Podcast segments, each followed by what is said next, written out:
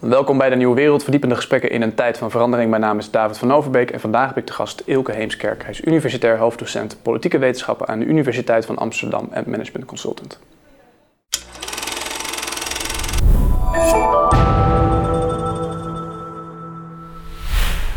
Dag Ilke, goedemiddag op deze broeierige zomerdag hier in deze studio. Um, we gaan het vandaag hebben over machtsconcentraties, verborgen machtsconcentratie in de financiële sector. Wat als er nou een paar mensen zijn in de wereld die de baas zijn over corporate America? Nou, veel economen zouden daarvan zeggen dat is niet het geval, want er zijn beursgenoteerd, er zijn allemaal kleine aandeelhouders, dat is allemaal verspreid. En toch doe jij onderzoek naar de veranderingen in machtsconcentraties. En een van de dingen die je daarbij onderzoekt is de rol van de BlackRocks, de Vanguards van deze wereld. Kortom, de bedrijven die passief beleggen heel populair hebben gemaakt. Uh, dat gaan we vandaag uitpakken. Er zit heel veel in. Misschien om te beginnen maar eens even kort. Waar bestaat nou die, volgens jou, die nieuwe machtsconcentratie... die toch een beetje verborgen zo diep in de systeemwereld van de financiële wereld zich bevindt? Waar bestaat die nou eigenlijk uit? Uh, nou, dankjewel voor de uitnodiging. Leuk om hier te zijn en om hierover uh, met jou te praten. Het heeft heel veel verschillende kanten.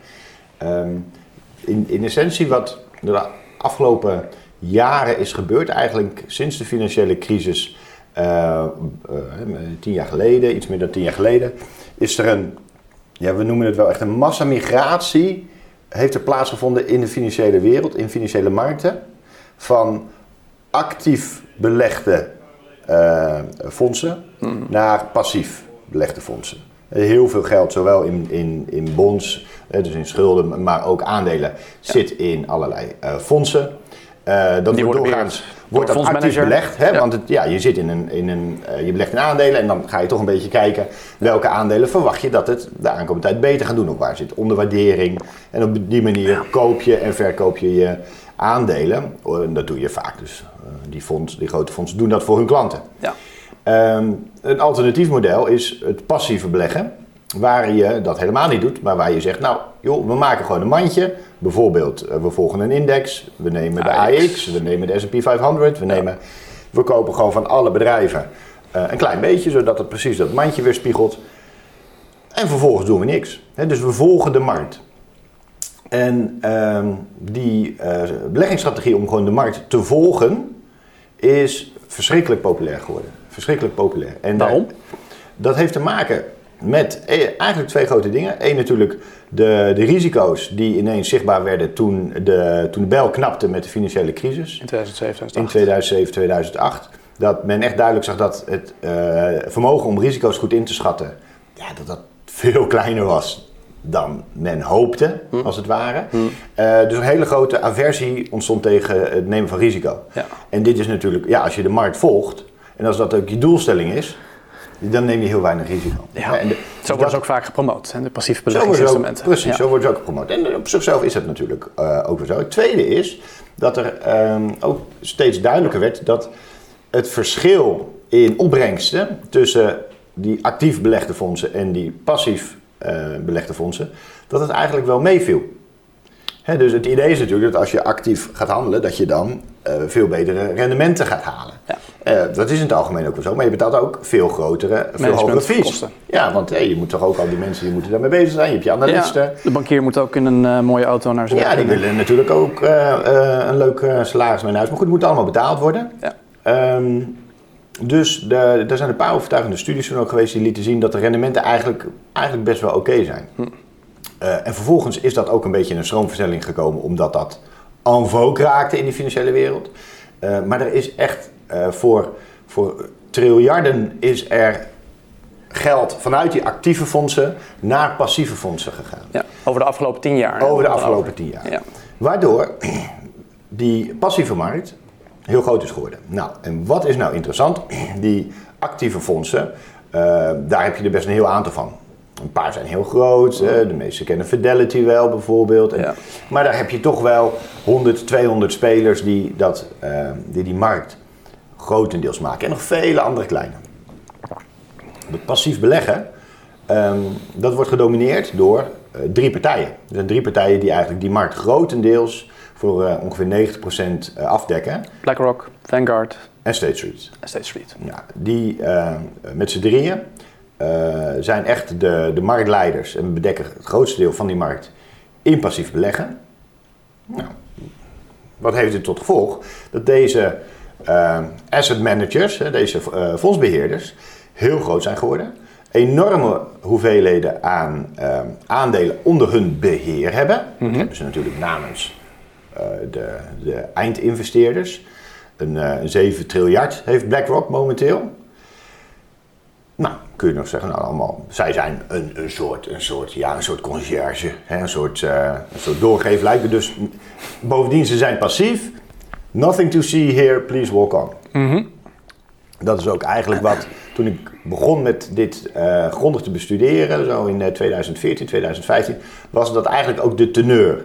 Men zei van ja, dat is allemaal wel zo, maar het is passief, dus het woord zegt het al, daar is niks, daar is niks te zien. Maar dan vergeten mensen één ding, namelijk dat, en dan kijk ik met name naar het aandelenkant van het verhaal, dus niet mhm. zozeer naar de bonds, niet zozeer naar het schuld, maar de aandelen. Aandelen is een investering, daar zit ook stemrecht bij. Mhm. Aandeelhouders hebben een participatie in een bedrijf, daar hoort ook een zekere mate van verantwoordelijkheid bij. Ja. aandeelhouders worden ook geacht om hun aandeelhoudersrol te spelen. Die hebben in de afgelopen jaren heel veel meer invloed en macht gekregen. Aandeelhouderskapitalisme. Um, die rol wordt ze ook geacht te vervullen. Ja. Nou, als je nou naar dat uh, veld van het passief investeren kijkt, dan zie je dat dat stemrecht en het beheer daarvan, dat clustert samen bij die fondsbeheerder. Bij die drie. Bij die drie. Bij die drie. Ja, en ik ben een politieke econoom van huis uit. Ik ben geïnteresseerd in corporate governance al vele jaren lang. En dan denk ik, dit is ongekend wat hier gebeurt. En we hebben dat in 2015 zijn we dat voor het eerst gewoon empirisch in kaart gaan, gaan brengen. En toen kwamen we er dus achter, tot onze grote verbazing en ook tot de verbazing van vele anderen, dat op dat moment al bij de SP 500, bij meer dan 90% van de bedrijven daar, die drie fondsbeheerders gezamenlijk de grootste investeerder waren. Mhm. En dan hadden ze gezamenlijk uh, gemiddeld 20% van de aandelen. Ja. En dat is echt, dat is echt sizable. Dat is een hoop. Ja. En dan moet je je voorstellen, dan zijn er ook nog de, de, de Apples en de Walmarts, waar gewoon families grote partijen aandelen nog hebben, of oprichters, die vallen daar buiten. Mhm. Dus eigenlijk is er in een relatief korte tijd een enorm omslag heeft er plaatsgevonden uh, op die financiële markten. Ja, even over dat, um, want je hebt het heel denk ik uh, goed en, en, en, bondig beschreven wat nou precies dat is en hoe het gegaan is de afgelopen tien jaar. Je had het over het en raken van dat passief beleggen. Want dit, dit zijn natuurlijk mensen, BlackRock, Vanguard, dat zijn zelf ook, die maken die mandjes, die maken die instrumenten, maar er moet natuurlijk ook geld in en ze trekken dat geld aan. Wanneer is nou dat punt geweest en waarom zijn bijvoorbeeld de grote institutionele beleggers zoals pensioenfondsen ook in dit soort instrumenten gaan stappen. Want dan krijgt het natuurlijk pas echt tractie. Dan wordt het natuurlijk als echt een grote markt. Waarom en, en, en, wanneer zijn zij er echt in gaan stappen? Ja. Ehm, eh, misschien wel goed om eventjes te zeggen, zij maken niet zelf die mandjes. Nee, dat, nee, dat is, waar. Dat, wordt natuurlijk gedaan ja, door de wordt gedaan door de, door de index providers. Hè, dus uh, wat op zichzelf een interessante kwestie misschien is uh, om later nog op, op in te gaan. Maar zij kopen die aandelen in die partities. Precies, dus je hebt een andere partijen die maken die mandjes. Standard Poor's, ja. uh, FTSE, uh, MSCI. Mm -hmm. Er is, vindt onderhandeling plaats. Dan zeggen ze, oh, wij hebben klanten die willen graag uh, een bepaalde index. Ja. Wat er nu toch ook toe leidt dat er zijn op de Amerikaanse markt zijn er meer indexen, meer mandjes dan aandelen. Ja. Dus bedrijven, aandelen uitgevende bedrijven. Mm -hmm. nou, je voelt wanneer zijn eigenlijk die grote institutionele uh, beleggers omgegaan? Ja, nou ja, dat was dus na die financiële crisis. Want die, dat passief beleggen, dat is niet nieuw. He, Vanguard, die is daar in de jaren 70 al mee begonnen. Late jaren 70 mhm. zijn die daar al mee begonnen. En dat, maar dat werd altijd gezien als een, ja, als, een, als een niche en eigenlijk ook wel als een hele belachelijke niche. Dat was niet, ja, dat, dat deed je ook niet. Van French. Ja, uh, er zat ook een hele sterke normatieve onderliggende afkeer zat erin. Uh, ik heb ergens nog een, uh, een, uh, een, poster, een plaatje van een poster uit die tijd.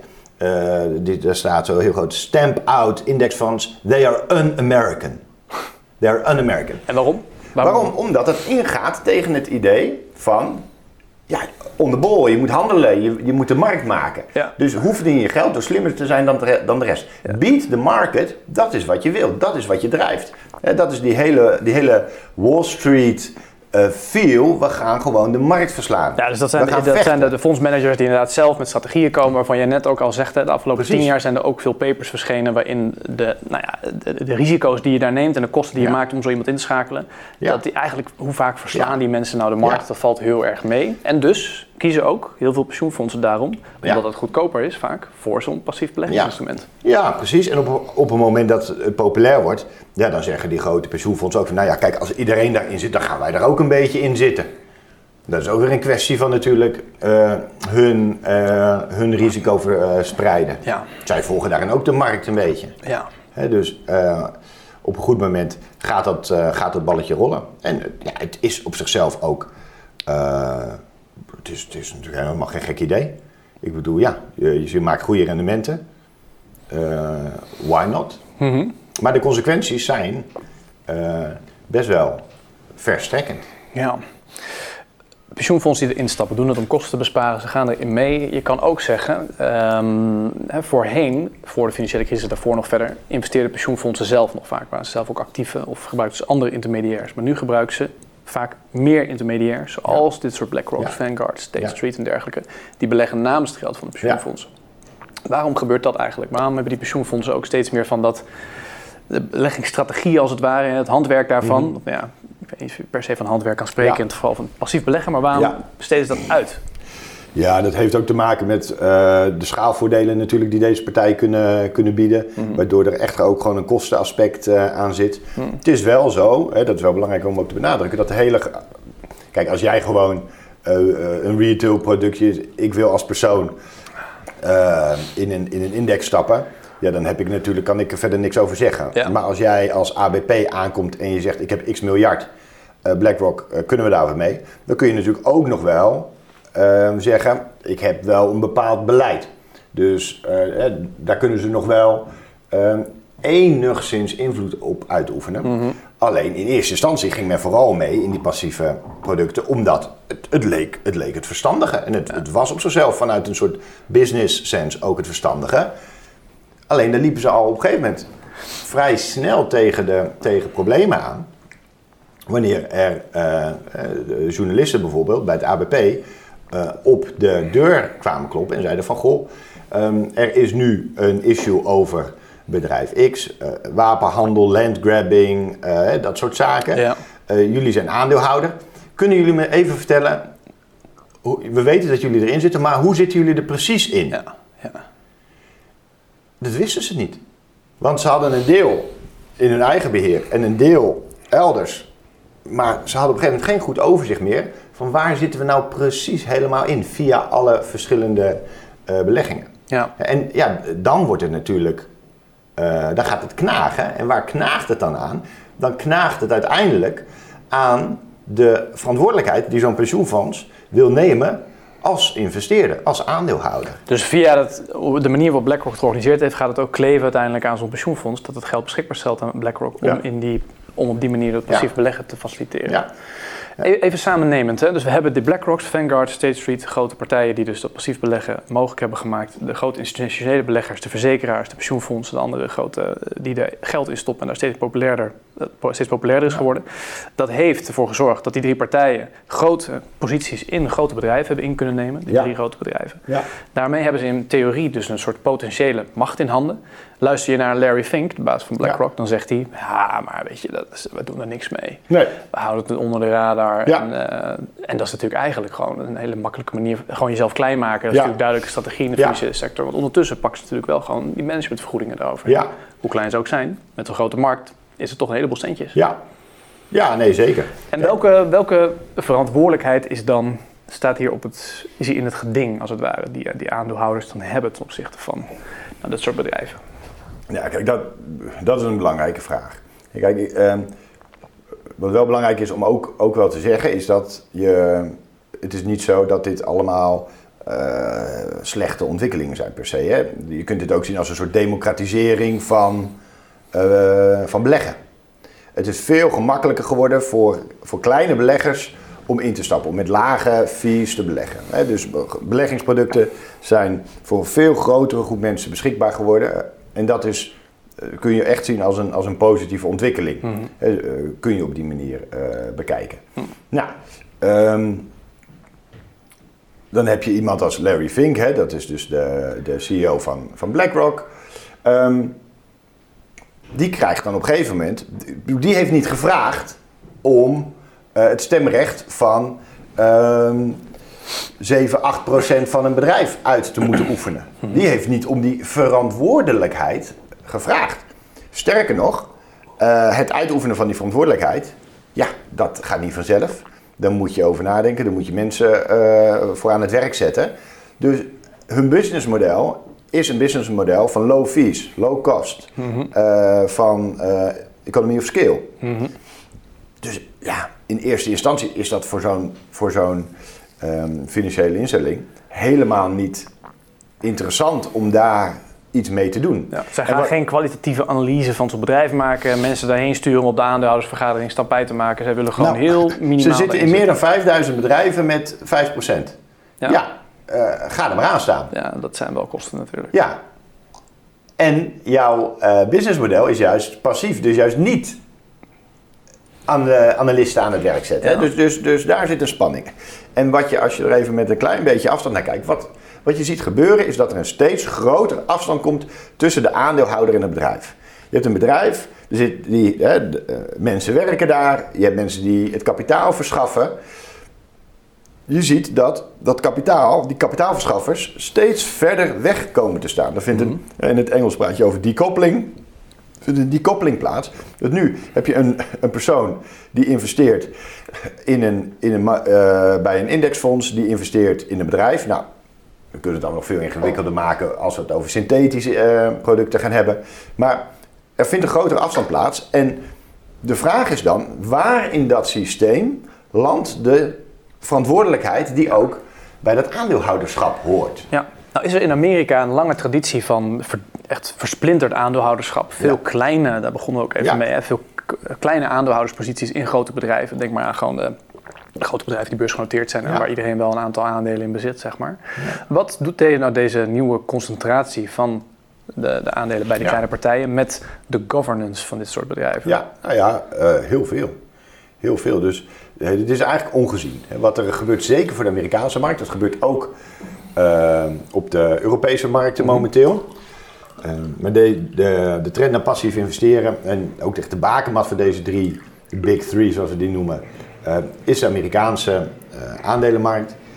En daar vindt nou een ongekende mate van concentratie van aandeelhouderschap plaats. Dat hebben we echt niet gezien sinds ja, de, de, de rubber barons. En um, ja, dus, eh, dan moet je echt naar de 19e eeuw. Ja. Om die mate van machtsconcentratie te zien. Ja. Um, ja, en er is natuurlijk een hele grote aversie tegen machtsconcentraties. Uh, economische machtsconcentraties in de, in de uh, Amerikaanse economische traditie. Waarom?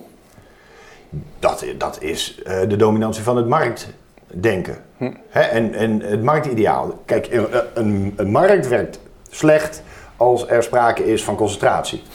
Uh, dat is algemeen, dat is, dat is uh, Economics 101. Dat, dat vond Adam Smith, maakte zich daar al druk over. Hoewel hij over zijn politiek econoom was.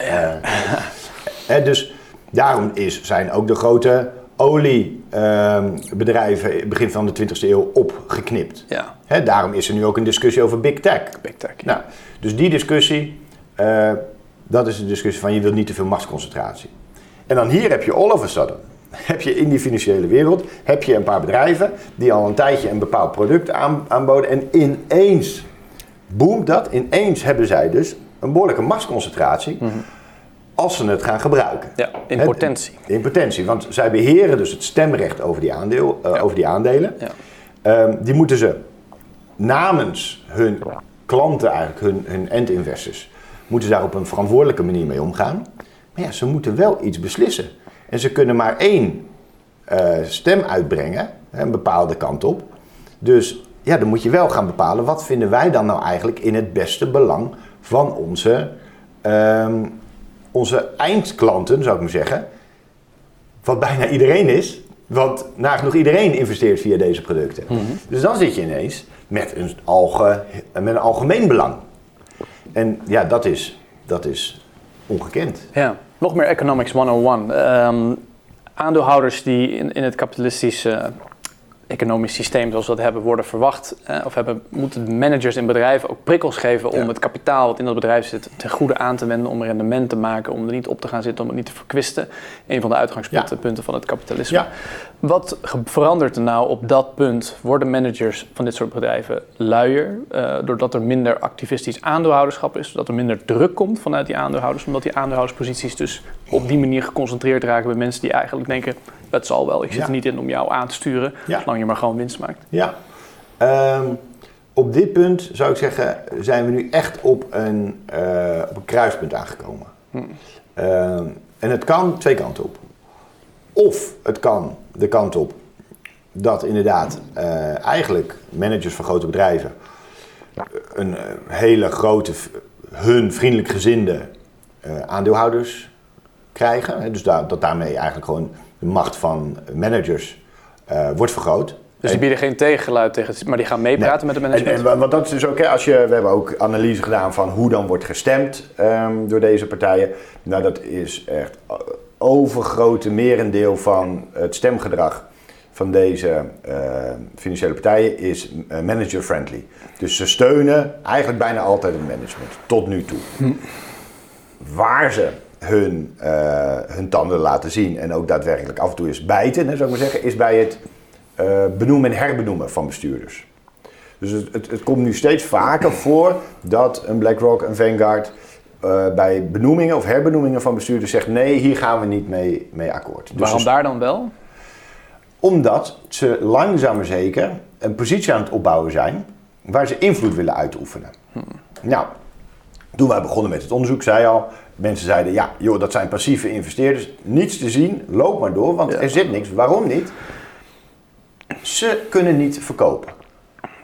Ze kunnen hun aandelen niet verkopen, hmm. in principe. Ja, ja. dus, ze hebben geen exit. Nee, ze hebben geen exit. Nou, exit, voice, loyalty, Heersman. Ja. Uh, doe de eh, Wall Street Walk. Als jij niet tevreden bent over de prestaties van het bedrijf, verkoop je de aandelen. Doet, doen genoeg mensen dat in de markt? dan daalt de prijs van de aandelen. Nou, dan wordt zo'n bedrijf uh, mogelijk het slachtoffer van een overname. Mhm. Maar vanuit het marktperspectief is dat goed, want er zit blijkbaar slecht management. Ja. Nou, kan een andere partij het overnemen. Dat is de markt voor corporate control. Ja, ja, um, ja, als er partijen zitten die niet gaan verkopen, waarom zou een manager zich daar ook maar iets aan gelegen laten? Want ja, die zitten er toch in. Dat, in, dus in eerste instantie zeiden ook heel veel, met name economen, mensen uit finance en law, die zeiden, ja, maar, daar, daar, zit niks, want ze hebben geen exit. Wat ze vergaten, is dat ze natuurlijk dat stemrecht nog steeds beheren. Ja. Dus dat ze wel op die aandeelhoudersvergaderingen hele machtige en invloedrijke partijen zijn. Voice. Voice, met uiteindelijk ook wel een knuppel om te slaan. Hm. Nou. Maar wat is het dreigement dan uiteindelijk? Want kijk, als zij weggaan, ze kunnen niet weg, maar gesteld dat ze weggaan? Nou, ze kunnen dus tegen de... Uh, nee, het dreigement is um, het stemrecht wat ze hebben. Dus ze kunnen tegen bestuurders uh, stemmen. Ja, oké. Dus, ja, ja, ja. En ze kunnen daar eventueel de markt in meekrijgen. Nou, maar dit is allemaal slechts mondjesmaat heeft dit plaatsgevonden de afgelopen tijd. Nu beginnen we langzaam zeker echt op een, op een scheidingsmoment te komen. Waar of ze blijven echt passief en ze doen een klein beetje. Of ze gaan ook dat uh, stemrecht uh, op een wat activistischere manier gebruiken. Dus meer gericht inzetten. En um, dat, er zijn nu een paar voorbeelden waar deze grote partijen, BlackRock, State Street, Vanguard, niet zelf dat activisme gaan doen. Want dat is, heeft heel veel risico's voor hun. Als zij ineens als activistische partij gaan zeggen: wij willen dat elke board een bepaalde diversiteit heeft. Wij willen dat uh, bij alle bedrijven iedereen goed betaald wordt. dan worden ze als activistisch aangemerkt. Is voor hun ook een bedreiging. Wat ze wel kunnen doen, is als er andere kleine activistische hedge funds zijn, die zeggen van hé, hey, wij gaan een activistische agenda voeren die kloppen aan bij BlackRock en bij State Street. Doen jullie mee? Ja, wij doen mee. Mhm. En dat is wat er recent bij Exxon is gebeurd. Wat gebeurde daar? Bij Exxon is er een uh, klein hedgefund opgericht. De kleine positie in Exxon genomen. Is kei en kei en keihard op de, op de uh, trom gaan slaan. Uh, en heeft gezegd, jongens, Exxon moet het roer omgooien. Want jullie zijn als oliebedrijf, dat gaat zo niet. Jullie moeten een heel, hele andere kant op. Jullie moeten duurzamere kant op. Ja. ze hadden een, een minimaal belang. Ze hebben uiteindelijk, heeft dat kleine hedgefund drie nieuwe bestuurders aan kunnen stellen. Leden, van het, leden van het board. Omdat ze andere aandeelhouders meekregen. Waaronder, die Big Three. waaronder die Big Three. Dus BlackRock zegt ook van ja, we hebben daar naar gekeken en we hebben ze gesteund. Want dat is wat we, wat we nastreven. Wij willen ook lange termijn uh, waarde. Wij willen eigenlijk ook wel dat dat gaat veranderen. En dat is voor in, in dat ecosysteem, dat is, dit is iets nieuws. Dat is echt net, net gebeurd. Maar dat is heel aantrekkelijk voor die grote partijen, want dan hoeven zij niet het activisme te doen. Mhm. Zij kunnen gewoon zeggen, ja, wij, wij, reageren op wat er in de markt gebeurt. Mhm. Mhm. Maar als zij meegaan op, met dat soort, uh, met dat soort uh, ontwikkelingen, ja, dan oefenen ze wel enorme invloed uit. Ja, interessant. Ja. Het is eigenlijk een soort stille vennoot's die wel uh, heel veel invloed kunnen uitoefenen door mee te stemmen met dat soort activistische nou, het, Ja, het is, het is patient capital, uh, noemen we het ook wel. Hm. En um, dus je hebt, we, we noemden ze eerder ook wel uh, sleeping giants, slapende reuzen, ja. die nu langzaam maar zeker aan het wakker worden zijn. In eerste instantie zag men wel dat die reuzen er waren en dacht men van, nou wat betekent dit nou? En gaat dan niet, komen er dan kuilen in de grond en zo? Hè? Of is het dan... En nu ziet men dat die, dat die reuzen langzaam zeker een beetje wakker worden. Ja, en als die zeggen van ja, maar we gaan met z'n allen die kant op, dan heeft het wel consequenties. Is nou dat voorval bij Exxon, zeg maar, voor jou, um, staat het, is dat exemplarisch voor het kruispunt waarop we staan? Ja. He, dat we dus zien ja. dat waar ze voorheen onder de radar bleven, dat Larry Fink ook zegt van uh, nothing to see here, people move on, uh, ja. uh, niet de bonds, wij gaan gewoon, wij zitten niet in om dit soort dingen. Dat je nu ziet dat dat verandert. Ja, nou, nou is het dan wel zo dat Larry Fink, die zei niet nothing to see here. Dat, is dan wel, dat is namelijk wel grappig. Die is al geruime tijd brieven aan het schrijven. Hè. Heel beroemd, in het begin van het jaar. Dan schrijft hij altijd een brief naar alle bedrijven, naar de CEO's van de bedrijven waarin ze geïnvesteerd zijn. En dan zegt hij van, ja, dat is waar, ja. beste mensen, um, wij zijn uw aandeelhouder, of wij, wij investeren nu namens onze klanten. En wij zijn voor lange termijn waardecreatie. Nou, dat is ook logisch, want ze kunnen niet verkopen. He, dus dat, dat is een groot verschil tussen, tussen deze financiële partijen en een uh, private equity ja. bijvoorbeeld. Ja. Um, dus jullie moeten dit, jullie moeten dat, jullie moeten zus, jullie moeten zo. Allemaal. Um, uh, dus best vaak benoemen allerlei punten waarvan veel mensen zeggen... nou, dat, is, dat, dat zou het bedrijfsleven wat meer moeten hebben. Mm. Maar ze, hebben, ze deden steeds niet het stemrecht erbij. He, mm. Dus ze zeiden het wel, ja. maar they didn't put their money where the mouth is, Ja, zo te zeggen. Dus uh, hij was langzaam maar zeker bezig om de tijd een beetje rijp te maken voor een situatie dat ze wel die posities kunnen innemen. De geesten aan het slijpen. Ja, ja. Nu je het hebt ook over langetermijn waardecreatie, komt natuurlijk een ander.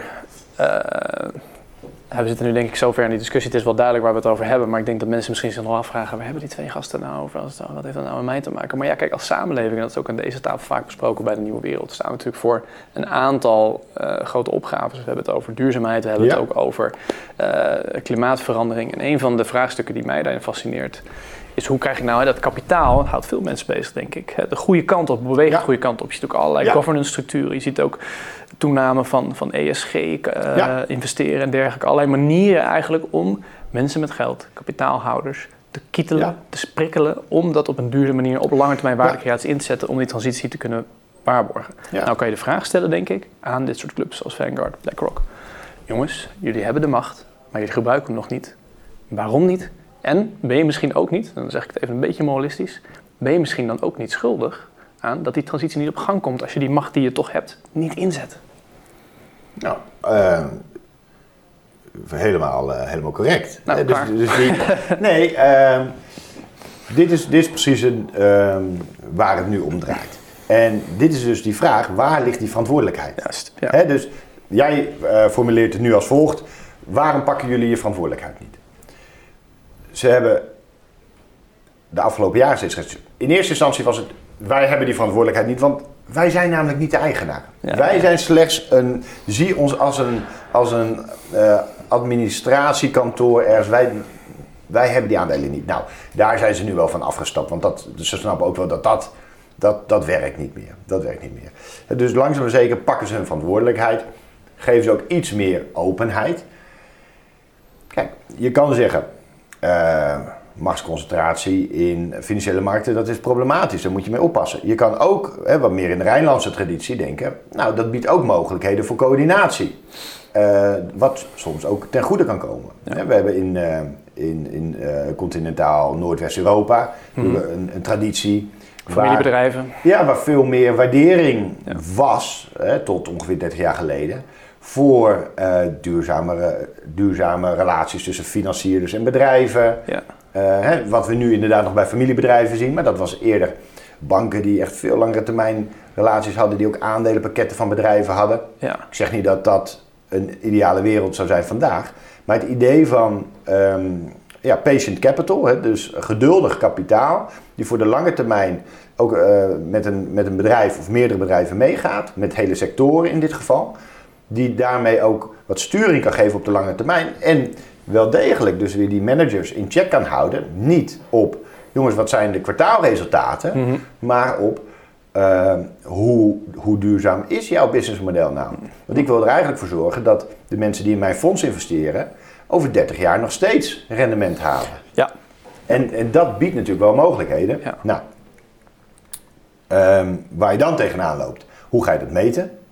en, en er is nu een hele industrie, komt nu op gang, waarin ze allerlei uh, environmental en social governance, uh, social governance indicators aan het maken zijn, hè, ESG.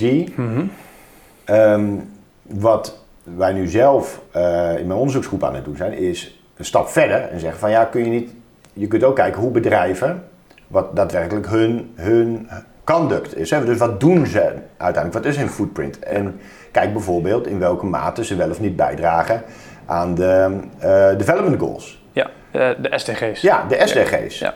En, ga, en dan kun je ook aan dit soort grote uh, financiële partijen vragen: joh, ga je eens sturen op die impact op de SDG's. Mm -hmm. Dan wordt het interessant. Dus ik zie daar ook heel veel mogelijkheden. Ik bedoel, daar, daar zijn wel echt wel mogelijkheden. Um, of we die kant op gaan, ik denk dat het de juiste kant is. Hè. Dat is mijn, mijn uh, uh, persoonlijke mening, ook als bewoner van deze planeet zou ik maar zeggen. Of dat gaat gebeuren, is nog niet zeker. Dus um, in dit soort discussies is natuurlijk altijd, je noemt het patient capital, maar de samenleving is vrij ongeduldig als het aankomt op, op die transitie. lijkt dat steeds vaker, steeds meer. En Larry Fink wijst natuurlijk ook uh, graag ook naar overheden om hun, hun rol in te nemen daarin. Terwijl ja, we leven toch ook wel echt in een nou, gewoon een kapitalistische wereld. In de zin dat de markt uh, de economische krachten stuurt. En nou, het is interessant wat jij zegt dat in Amerika die traditie er is van uh, verdeeld eigenaarschap lange tijd. Dat ze zich daar nu, uh, dat het echt fundamenteel anders is met die drie grote partijen die daar dus steeds grotere machtsconcentraties opbouwen en in potentie macht kunnen uitoefenen. Um, als je dat afzet tegen het Rijnlands model, waar veel langere traditie is en ook meer ervaring is misschien met juist, of mensen zich comfortabel voelen met dat idee van groot aandeelhoudersposities, families, maar ook uh, pensioenfondsen of wat dan ook. Wat, uh, hoe zie je dan die coördinatie? Zie je dat ook al gebeuren op dit moment, onderling, om, die, om dat in werking te zetten? Of zie je dat nog niet? Um, nou ja, dat, ja, dat hm. zie je gebeuren. Um, en dan is het behulpzaam om te beseffen dat eigenlijk dit hele concept van, van uh, aandeelhoudersbelang en aandeelhouderswaarde aan het veranderen is. want zit je in, dat, in het oude denken wat we hebben over aandeelhouderskapitalisme, je zit als aandeelhouder in één bedrijf, ben je niet tevreden mee, kun je naar een andere. Mm dan zit je de hele tijd naar bedrijf A of bedrijf B te kijken. Ja. Dan zeg je, ga ik zitten in Shell of ga ik zitten in Exxon? Mm zit ik in de KLM of zit ik in... Uh, ja. Maar als jij in alle bedrijven bent geïnvesteerd, als jij in de hele markt zit, dan maakt jou dat eigenlijk als uh, eigenaar of als beheerder van aandelen niet zoveel uit. Hm. Dus dan ben je geïnteresseerd in hoe het geheel een bepaalde kant op gaat. En wat je dus ziet gebeuren is dat hè, ook zo'n uh, zo'n partij als BlackRock, um, waar ze actief zijn, zijn ook in sectorbrede, marktbrede, convenanten, consortia, afspraken op wat algemene niveau. Dat zien ze graag gebeuren en daar zijn ze ook wel actief bij. Hm. En daar zie je ook veranderingen. Ik bedoel, de vorige revisie van de, van de Nederlandse Corporate Governance Code. Um, van een paar jaar geleden, die werd helemaal omgeschreven naar lange termijn waardecreatie. All of a sudden. Ja. En uh, dat past precies in het tijdsgevricht. Daar zijn ook uh, deze partijen bij betrokken geweest. Het stond er altijd al wel in. In de preambule stond een beetje voor, voor de vaak. Want ja, en het gaat natuurlijk ook om lange termijn waardecreatie. En vervolgens uh, meer mag voor de aandeelhouder, meer mag voor de aandeelhouder, et cetera, et cetera. Ja, ja, Werd helemaal omgeschreven. Nou, in de huidige revisie is men ook weer bezig van hoe kun je nou die duurzaamheid een grotere plek geven. Hm. Nou, dus daar zijn uh, bijvoorbeeld al wel ontwikkelingen aan de gang. Ja, en dan anderzijds, wat ik net zei, uh, dat voorbeeld over acti activistische partijen die denken, hé, hey, we zien die mogelijkheid om met deze grote reuzen, met de support daarvan, echt impact te maken in, aandelen, in aandelenmarkten. En dan hebben we nog een derde. En dat, dat is de laatste, maar ook een belangrijke. En dat heeft te maken met ontwikkelde markten die in ontwikkeling zijn. Hm. Emerging markets. Hm. Dat is nog een derde manier waarop dit, dit systeem van passief investeren heel veel invloed heeft. Um, ze bepalen ook waar geld naar uh, emerging markets gaat. Als, een, als een land in een index wordt opgenomen. Ja, is of heel betekenisvol. Ja. Is verschrikkelijk betekenisvol. Ja, ja. Want dat, dat leidt automatisch tot, tot miljoenen, vele miljoenen, tot miljarden aan uh, investeringen. Ja, kapitaalinstroom, ja. en Daardoor is de situatie ontstaan dat bijvoorbeeld China aan het onderhandelen was. Dan heb je dus te maken met die um, index providers, hè, dus de partijen die die indexen maken. MSCI is de grootste uh, voor uh, internationaal. Dat mhm. China met MSCI in overleg is, omdat ze zeggen: ja, nou wij willen eigenlijk wel in jullie, uh, in jullie index. Mm en dat zij dan zeggen: nou goed. Maar ja, wij vinden investor protection vinden we wel belangrijk, dus kunnen we daar wat van? Ja, hoe zit dat in China? Ja. Nou, moet je voorstellen dat de IMF of de Wereldbank uh, aanklopt bij, uh, bij China, van zullen we het daar eens over hebben, dan gooien ze de deur meteen dicht. Ja, ja, ja, ja, ja. ja. dus nou, op die drie vlakken uh, beweegt het eigenlijk. Hoe, kijkt de, hoe kijken nou de, de overheidsmarktmeesters hiernaar? De AFM, de mededingingsautoriteiten en dergelijke. Hoe zien die deze ontwikkeling? Ja. Nou ja, um, uh, dat zou je ze natuurlijk zelf, uh, zelf moeten vragen. Um, ze zijn er wel heel erg in geïnteresseerd. Um, volgen het ook wel met, met argusogen. De vraag is van ja, waar, waar moeten ze iets doen? Hè? Dus de, toen dit net groot was geworden, is er wel een discussie geweest over zijn dit nou is er nou een zekere mate van uh, systemisch risico, mm -hmm. systemic risk, zit dat hierin gebakken. En daar was eigenlijk vrij snel de conclusie, nou dat valt eigenlijk wel mee, want er is nauwelijks uh, sprake van leverage. Dus ja, het zijn toch vooral beheerders van, van aandelen. Er zit wel, wel wat aan uh, trucendozerij bij, maar dat valt wel mee. Hè, dus moeten we daar nou iets mee? In Europa, Europese regelgeving zit vooral op op disclosure en dat investeerders hun intenties duidelijk moeten maken. Maar ja, er gebeurt nog niet heel veel. Er gebeurt nog niet heel veel. Hmm, oké, ja. Dan wil ik nog even een gerucht op je afvuren. De afgelopen jaar met corona hebben we natuurlijk gezien dat uh, centrale banken over de hele wereld steeds bredere steunpakketten, zogenaamde bazooka's, opzetten om uh, de economie te stutten door aan niet alleen obligaties op te kopen, wat misschien de ECB nog deed uh, na de financiële crisis, maar zelfs aandelenpakketten, dus activa opkopen. Um, gerucht rond het kampvuur is dat partijen zoals BlackRock en Vanguard ook ernstig aan het lobbyen zijn bij centrale banken om dit soort brede steunpakketten toch in stand te houden. Waarom? Hoe hoger de stand van de AIX of de S&P 500, hoe hoger hun managementvergoedingen zijn over dit soort passieve beleggingsfondsen die ze aanhouden. Wat denk je daarvan? Fictie of feit? Nou, uh, dat weet ik niet. Want daar, ja, ja, je was er niet bij. Maar. Nee, ja. Nou, kijk. Het is natuurlijk wel een verstrengeling. Uh, luister, die hele financiële sector die hangt natuurlijk van opportunisme aan elkaar. Ja. En dat is ook. het klinkt, zo, klinkt heel, heel negatief. En dat is voor een deel ook wel. Maar dat is ook een kracht. Nee, dus het is gewoon een hele opportunistische sector. Dus er zullen ongetwijfeld, het zijn grote bedrijven ondertussen. Er zullen heus wel mensen zijn die zeggen van nou, dat, dat, dat werkt wel goed voor ons. Dus hou die koersen maar, uh, maar hoog, want ja, dan uh, gaat onze vier ook wel, uh, blijft goed. Ik denk dat, dat de mensen die er wat strategischer in zitten en ook de lange termijn koer, strategische koers van hun eigen bedrijf bekijken. Dan zeggen van nou, dat vinden we wel van belang.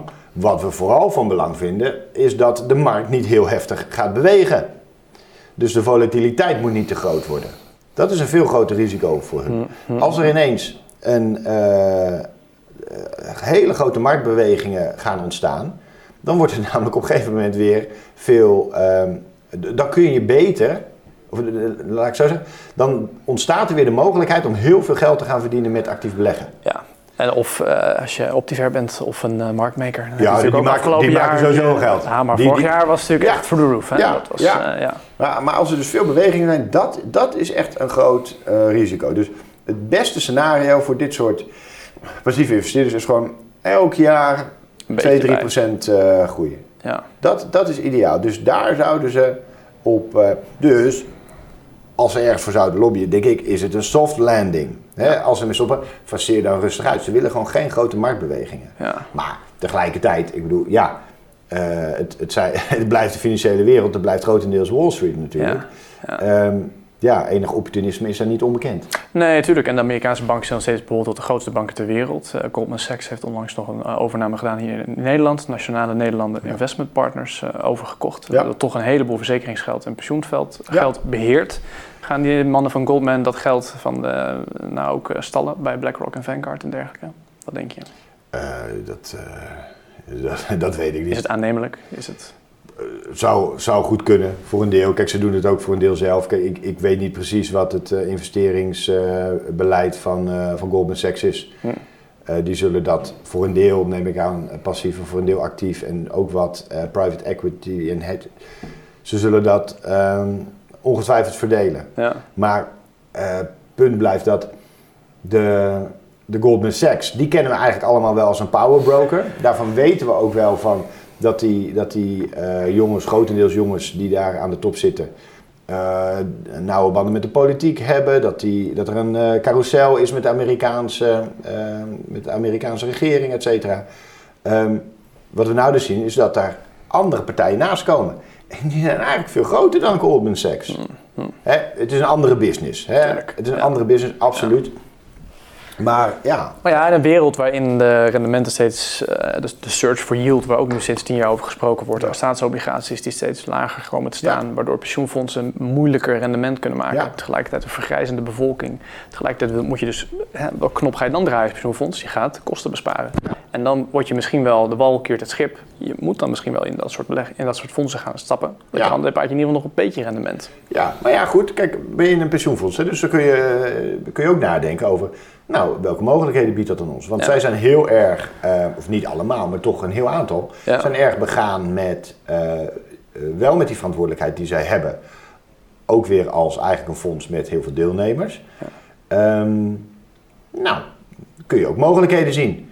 Kun je ook zeggen van, nou, met dit soort andere grote uh, financiële partijen, waar, waar zij weer een klantrelatie mee hebben, kunnen we misschien ook wel sturen dat we iets meer richting niet alleen sustainable investment gaan, hm. maar ook naar sustainable business. Ja, ja, ja. want daar gaat het natuurlijk om. Uiteindelijk dat, het is mooi dat we met z'n allen investeren op een bepaalde manier, maar die, die activiteiten van die bedrijven, die moeten gaan veranderen, wil je impact hebben op de wereld waarin we leven. Hm. Ja, dus ja, er zijn ook wel weer mogelijkheden. Als onderzoeker ben je hiermee bezig? Je zegt we staan op een kruispunt. Ja. Je noemt het voorbeeld van Exxon al even, waarmee we zien dat het de andere kant op gaat. Wat uh, moeten wij nou in de gaten houden de komende tijd, wat er op de agenda staat, waarin we deze ontwikkelingen wat meer kunnen volgen. En ik vraag het ook mede omdat natuurlijk onderzoek naar de financiële sector is altijd werken met een informatieasymmetrie. De financiële sector loopt altijd voor, is opportunistischer natuurlijk. De strategieën mhm. zijn, je moet, je moet altijd loopt achter de feiten aan in zekere zin. Ja. Wat zie jij nou nog gebeuren de komende tijd, wat interessant is in dit uh, perspectief? Wat we besproken hebben vandaag. Ja, kijk, uh, wat er dus gaat gebeuren in die Amerikaanse markt met het, dat, die nieuwe vorm van, uh, van activisme van, uh, van Engine Number One, zo heet dat, dat ETF. Ja. Ehm, dat, dat is wel heel erg spannend. Dat is heel spannend. Of, of dat navolging gaat krijgen, of, zij, of die partij heel erg gaat groeien. Hmm. grote vraag is hoe inderdaad de, dat sustainable finance is, en, en dat is ook enorm populair aan het worden. Iedereen wil dat ineens. Maar blijft dat een beetje een praatje voor, voor de vaak? Of wordt dat mhm. echt op een solide manier gekoppeld aan uh, de eigenschappen van die bedrijven zelf en hun impact op de maatschappij? Ja. En er is een hele grote uh, prikkel voor de financiële markt om, die, om de link tussen de bedrijven en de impact die die bedrijven daadwerkelijk hebben op de maatschappij, om die zo licht mogelijk te houden. Hmm. En zo divers mogelijk. En dan staat er een hele markt en dan gebeurt er van alles en dan kun je lekker handelen. Maar ja. Verantwoordelijkheid kun je ook lekker zo een beetje wegleggen. Precies. Dus het, die, het is eigenlijk steeds weer die verantwoordelijkheid die wordt uh, weggeschoven. Dus daar zou een veel stevige koppeling uh, moeten plaatsvinden. Bijvoorbeeld dus naar die SDG's, uh, die development goals te gaan kijken. Ja dat zijn interessante ontwikkelingen. Ja, goed. Ilke, bedankt voor dit gesprek en uh, we houden het in de gaten. Ja, graag gedaan. Dankjewel.